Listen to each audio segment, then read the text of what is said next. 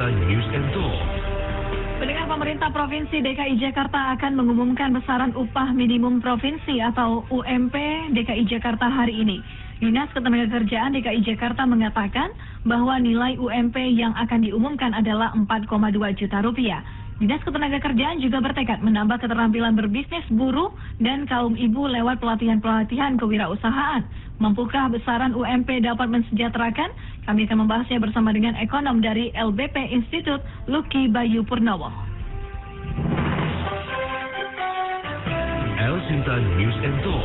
Pak Luki, angka 4,2 juta rupiah melihat dari kebutuhan atau juga perekonomian di Indonesia saat ini. Seperti apa bisa disinkronisasikan?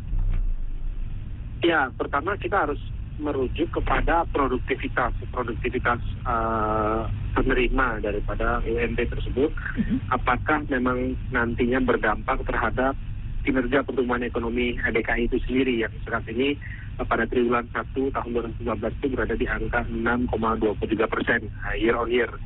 Nah, saya kira uh, ini akan menjadi salah satu uh, persoalan. Kenapa? Karena kalau kita memperhatikan angka pertumbuhan ekonomi uh, nasional Mhm. yang saat ini berada di uh, angka 5,05 dan belum mengalami uh, perubahan uh, dalam empat setengah tahun terakhir, Ya. maka ini akan menjadi persoalan bagi ya bagi uh, para uh, perusahaan-perusahaan yang memang belum uh, memiliki uh, ketersediaan anggaran yang memadai. Nah untuk itu harusnya ada beberapa uh, pendekatan yang nantinya atau ada perlakuan ya yang nantinya dapat menjadi solusi untuk beberapa uh, pengusaha atau uh, pelaku usaha karena tidak seluruhnya bagi uh, pelaku usaha dapat menerima situasi ini. Yang jelas kalau kita lihat pertumbuhan ekonomi yang saat ini terus terang uh, terutama untuk DKI ya, DKI yang belum mengalami perubahan yang cukup signifikan itu akan menjadi uh, satu uh, polemik nanti karena di satu sisi dari sisi permintaan uh, UMP tersebut mengalami uh, kenaikan tetapi di sisi yang berlawanan uh, kinerja pertumbuhan ekonomi belum mengalami perubahan yang signifikan. Mhm. Pertumbuhan ekonomi kan biasanya juga diselaraskan dengan uh, jumlah pengangguran di suatu wilayah dengan UMP 4,2 juta rupiah di uh, DKI nantinya. Apakah ini juga akan mampu bagi suatu perusahaan untuk meminimalisir angka pengangguran dengan nantinya akan diutamakan uh, karakteristik atau juga keterampilan uh, dari para buruh tersebut begitu dengan angka 4,2 juta ini? Ya kalau kita mau melihat uh, dari sisi uh, keterampilan itu ada uh, labor ya atau ada kategori ya kategori uh, skill labor atau unskill labor. Ya. Nah yang jadi persoalan sekarang uh, unskill labor itu masih uh, lebih banyak dibandingkan dengan skill labor atau uh, pelaku atau pekerja yang memiliki skill. Nah perlakuan tersebut nantinya tentu akan didominasi oleh unskilled labor. Nah persoalannya sekarang apabila dalam situasi dan kondisi ekonomi seperti ini terutama yang uh, DKI yang saat ini sedang mengalami uh, fluktuasi ya fluktuasi dibandingkan dengan uh, kondisi ekonomi nasional. Nah itu akan menjadi satu uh, tantangan. Saya saya tidak katakan ini masalah tetapi ini akan menjadi tantangan bagi uh, pelaku usaha terutama mereka yang menjalankan usaha dengan labor cost yang tinggi, kemudian jumlah eh, pegawai yang juga cukup banyak dan eh, intensitas eh, produksi yang cukup banyak artinya eh, bisa dibagi dua shift antara shift yang pertama dan shift yang kedua. Nah itu eh, saya kira upaya-upaya tersebut juga harus menjadi eh, perhatian dan menurut pandangan strategi saya sebenarnya ini dapat dilakukan untuk uh, beberapa uh, zona atau beberapa uh, kategori atau beberapa kelompok uh, wilayah usaha sebut saja dari tingkat pendapatan nih. Mhm. Artinya uh, perlakuan ini dapat dibebankan um, kepada atau maksudnya diterapkan ya bukan dibebankan diterapkan kepada uh, kegiatan usaha dengan uh, labor cost yang tinggi maka uh, pembebanan atau penerapan daripada peraturan ini harus memiliki juga level atau uh, kategori tertentu. Nah sementara labor cost yang relatif uh, rendah yang terjangkau itu juga memperoleh perlakuan tertentu. Nah sehingga uh, iklim usaha itu sesuai dengan uh, permintaan uh, apa para pekerja yang menginginkan kenaikan UMP dan uh, pemprov sendiri yang uh, saat ini uh, menerbitkan ya menerbitkan regulasi tersebut dapat beriringan atau dapat jalan bersamaan. Itu saya kira uh, itu yang uh, menjadi pandangan strategis sehingga uh, penempatan kelompok-kelompok uh, terapan dari uh, peraturan ini juga nantinya dapat memperoleh solusi hmm. seiring dengan upaya akselerasi peningkatan pertumbuhan uh, ekonomi uh, terutama untuk uh, DKI Jakarta. Kondisi ekonomi di DKI yang fluktuasi dan tadi juga disampaikan itu juga merupakan suatu tantangan bagi para uh, pengusaha. Uh, apakah ini juga nantinya akan berdampak kepada investor yang akan berinvestasi juga di DKI Jakarta dengan UMP tersebut? Ya, saya kira uh, dengan situasi seperti ini, saya akan bicara dua hal. Pertama, ekonomi skala nasional, ekonomi uh, skala daerah, terutama untuk uh, DKI. Nah, di nasional sendiri uh, kita ketahui setelah uh, temukan uh, beberapa ya, keterangan bukti-bukti bahwa sebenarnya telah ada beberapa perusahaan yang memang memutuskan uh, untuk memindahkan usahanya, kemudian menghentikan usahanya, atau meminimalisir uh, skala usahanya karena persoalan labor cost. Nah, untuk itu berkaca dari persoalan ekonomi nasional, nah itu dapat menjadi salah satu potret bahwa antisipasi yang uh, dapat dilakukan tersebut adalah antisipasi yang preventif. Jangan sampai nantinya ini justru menghambat uh, pola investasi, kemudian minat investor yang ingin uh, berpartisipasi terutama untuk uh, perekonomian yang ada di DKI. Saya kira uh, demikian uh, dua pandangan baik dari nasional mm-hmm. hingga ke daerah sehingga uh, hal tersebut harusnya dapat dilihat secara uh, objektif. Ya, Pak Luki dari uh, senilai uh, UMP bagi suatu wilayah ini bisa berpengaruh terhadap beberapa faktor. Seperti apa faktor-faktor tersebut? Uh, sebut saja kita lihat UMP yang uh, terjadi di Jakarta uh, hingga awal tahun 2019 uh, ekonomi DKI tumbuh sekitar uh, 6,23 persen.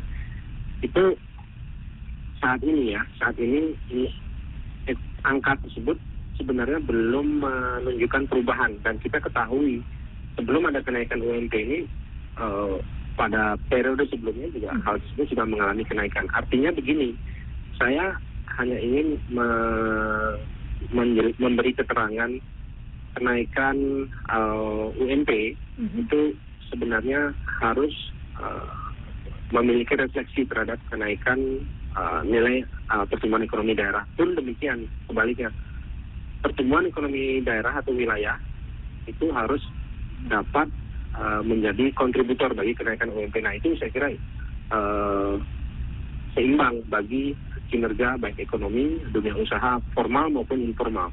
Mm-hmm. Tapi boleh nggak sih kita sebagai pekerja berharap bahwa UMP-nya lebih besar saja agar mungkin uh, lebih uh, saya akan merasa bisa lebih menjual keterampilan saya dengan uh, nilai UMP yang begitu besar nantinya di suatu perusahaan berikutnya begitu? Uh, menurut saya itu bukan boleh saja, tetapi menurut saya itu harus ya harus karena apa? Jadi perkembangan uh, ketenaga kerjaan sehubungan dengan ekonomi itu sebenarnya justru harus ditingkatkan dengan uh, kualitas skill labor atau uh, pekerja yang memiliki uh, keterampilan. Dan itu uh, dibutuhkan peran serta lintas uh, kementerian ataupun lintas lembaga. Yeah. hingga akhirnya masuk kepada uh, apa birokrasi sekelas uh, pemerintah provinsi. Artinya apa? Ke depan karena kita sudah mengetahui bahwa skill labor itu jumlahnya lebih sedikit daripada unskill labor, maka ke depan harusnya baik itu Kementerian Tenaga Kerjaan, kemudian Kementerian Perindustrian, kemudian Kementerian Perdagangan yang banyak berhubungan dengan uh, koordinasi keekonomian mm-hmm. itu uh, bekerjasama dengan uh, pemerintah daerah, kemudian BUMD uh, dan dari sana harusnya ada temuan untuk mengakselerasi bagaimana peningkatan skill daripada uh, pegawai yeah. atau para pekerja agar dapat selaras Jadi keinginan kenaikan UMP itu harus disesuaikan apakah ini keinginan atau kebutuhan gitu. Itu yang terpenting. Hmm. Pak Luki, nanti kita akan bahas lagi mengenai hal ini. Kita jeda dulu ya untuk bisa menyimak informasi dari Global Newsbeat. Dan mendengar kami masih akan lanjutkan kembali wawancara bersama dengan ekonom dari LBP Institut Luki Bayu Purnomo. Pemprov DKI Jakarta yang akan mengumumkan besaran upah minimum Provinsi DKI Jakarta pada hari ini, di mana Dinas Ketenaga, Ketenaga Kerjaan mengatakan bahwa nilai UMP yang akan diumumkan adalah 4,2 juta rupiah. Kami masih bersama dengan ekonom dari LBP Institut Luki Bayu Purnomo dan untuk Anda yang juga ingin berpartisipasi mengenai besaran atau juga nilai dari upah minimum Provinsi DKI Jakarta, silakan bisa sampaikan melalui telepon 021 5869000 atau melalui pesan singkat dan juga WhatsApp 081 1806543. Pak Luki, terima kasih masih bersama kami. Ya, Pak Luki, dalam penentuan angka UMP, apa yang diprioritaskan oleh pemerintah sebenarnya? eh, ya kalau kita lihat tentu kualitas eh, ekonomi khusus dari eh, pekerja-pekerja yang memang dipandang eh, perlu untuk memperoleh eh, apa apresiasi tersebut gitu. Tapi eh, kita juga harus melihat secara objektif bahwa sebenarnya uh, UMP tersebut erat kaitannya dengan beberapa sektor antara lain adalah sektor uh, manufaktur di mana uh, pada triwulan ketiga sebutlah tahun 2018 uh, hingga triwulan ketiga tahun 2019 secara year on year Mhm. uh, angka pertumbuhan manufaktur tersebut mengalami pelemahan 9,28 persen. Artinya uh, pembebanan uh, penurunan tersebut terhadap sektor manufaktur itu sebenarnya relevan dengan pertimbangan apakah UMP tersebut uh, harus dinaikkan atau uh, tidak. Nah ini kembali lagi kita akan berbicara dari dua aspek. Apakah aspek sebagai pengusaha yang ingin uh, tetap menjalankan usahanya dengan uh, labor cost yang terjangkau ataukah uh, para pekerja yang memang nantinya menerima kenaikan UMP tapi saya khawatirkan akan adanya rasionalisasi. Dan itu sebenarnya uh, titik tengahnya harus ditemukan dengan angka atau besaran UMP yang memadai sesuai dengan angka pertumbuhan ekonomi sesuai dialog kita tadi pertama. Mhm. Bagi buruh angka 4,2 juta ini masih eh, cukup minim ya Pak Luki. Karena biasanya kalau kita tahu ya di May Day 1 Mei pasti para buruh juga meminta untuk UMP naik, UMP naik seperti itu. Ya, karena kalau kita lihat UMP tentu terutama para pekerja eh, atau eh, buruh itu melihat angka inflasi. Mhm. Nah, inflasi eh, di secara nasional ya saat ini memang berada masih pada angka eh, teritori 3 persen. Artinya angka tersebut cukup rendah atau relatif rendah. Nah, akan tetapi dari rendahnya angka inflasi nasional itu memang berefek terhadap angka inflasi yang ada di eh, daerah atau eh, wilayah.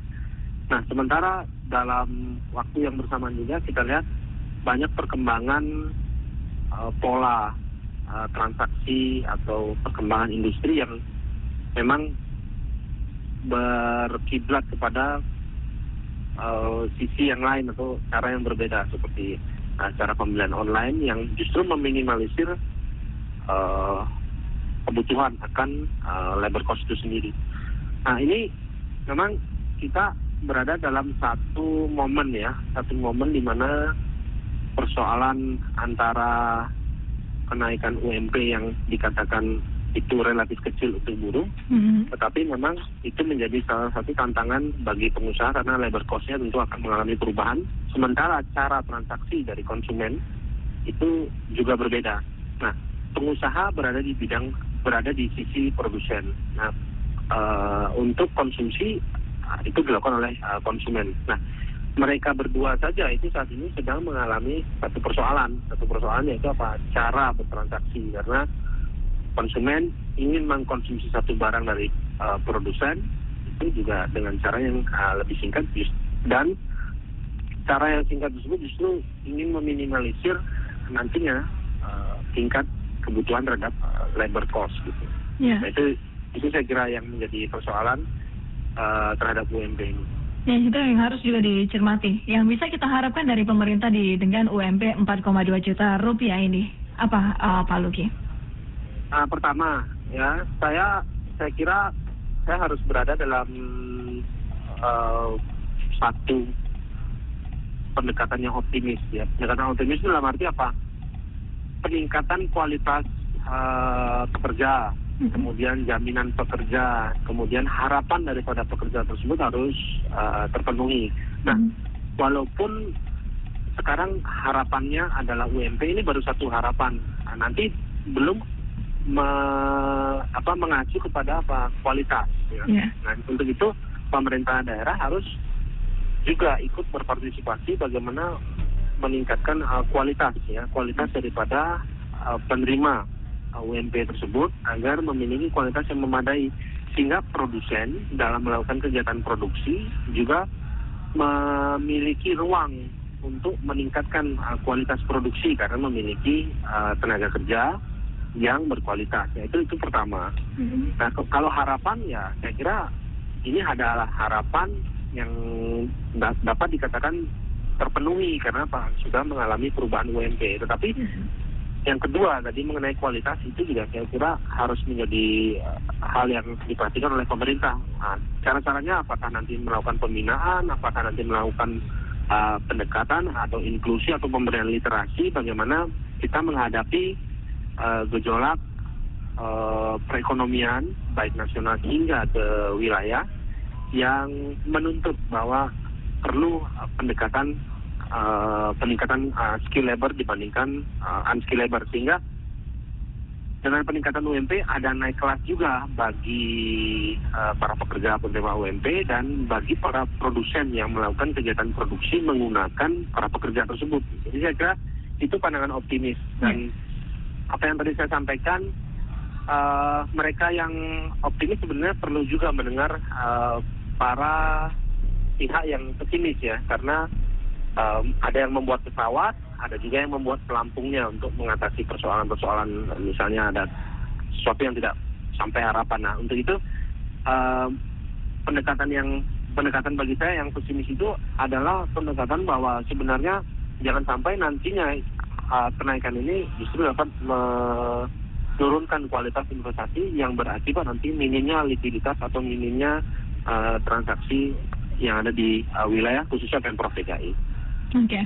sebelum kita lanjutkan kembali ada Pak Odang di Bintaro yang bergabung bersama kita. Pak Odang, selamat siang.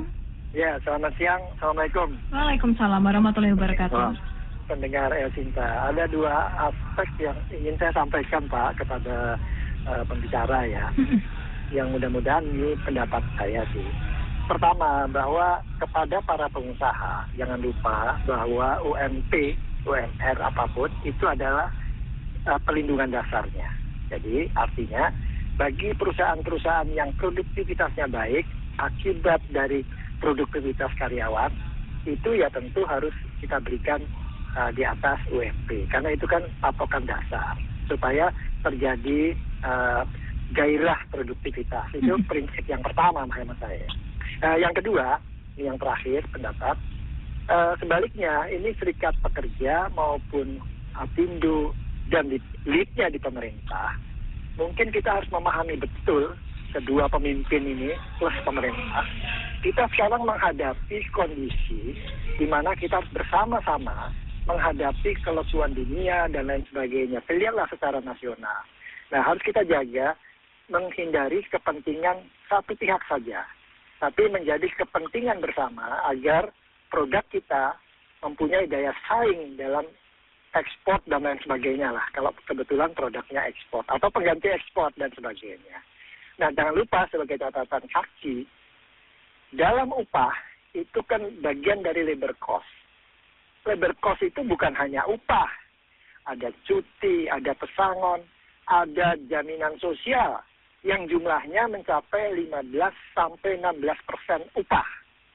Jadi setiap upah naik, otomatis yang 16 persen ini pun secara absolut akan ikut naik. Nah ini kan menjadi total labor cost.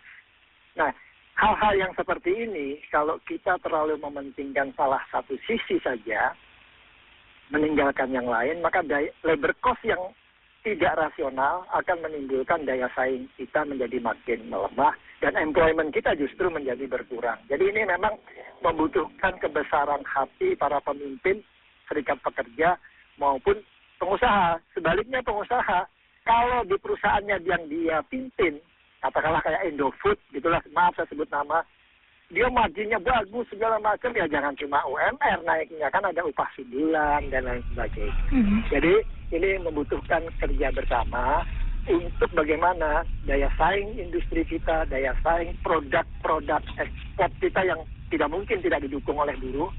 Sebaliknya juga buruh harus paham tidak mungkin kalau pengusahanya tidak mampu membuat jalur-jalur ekspor.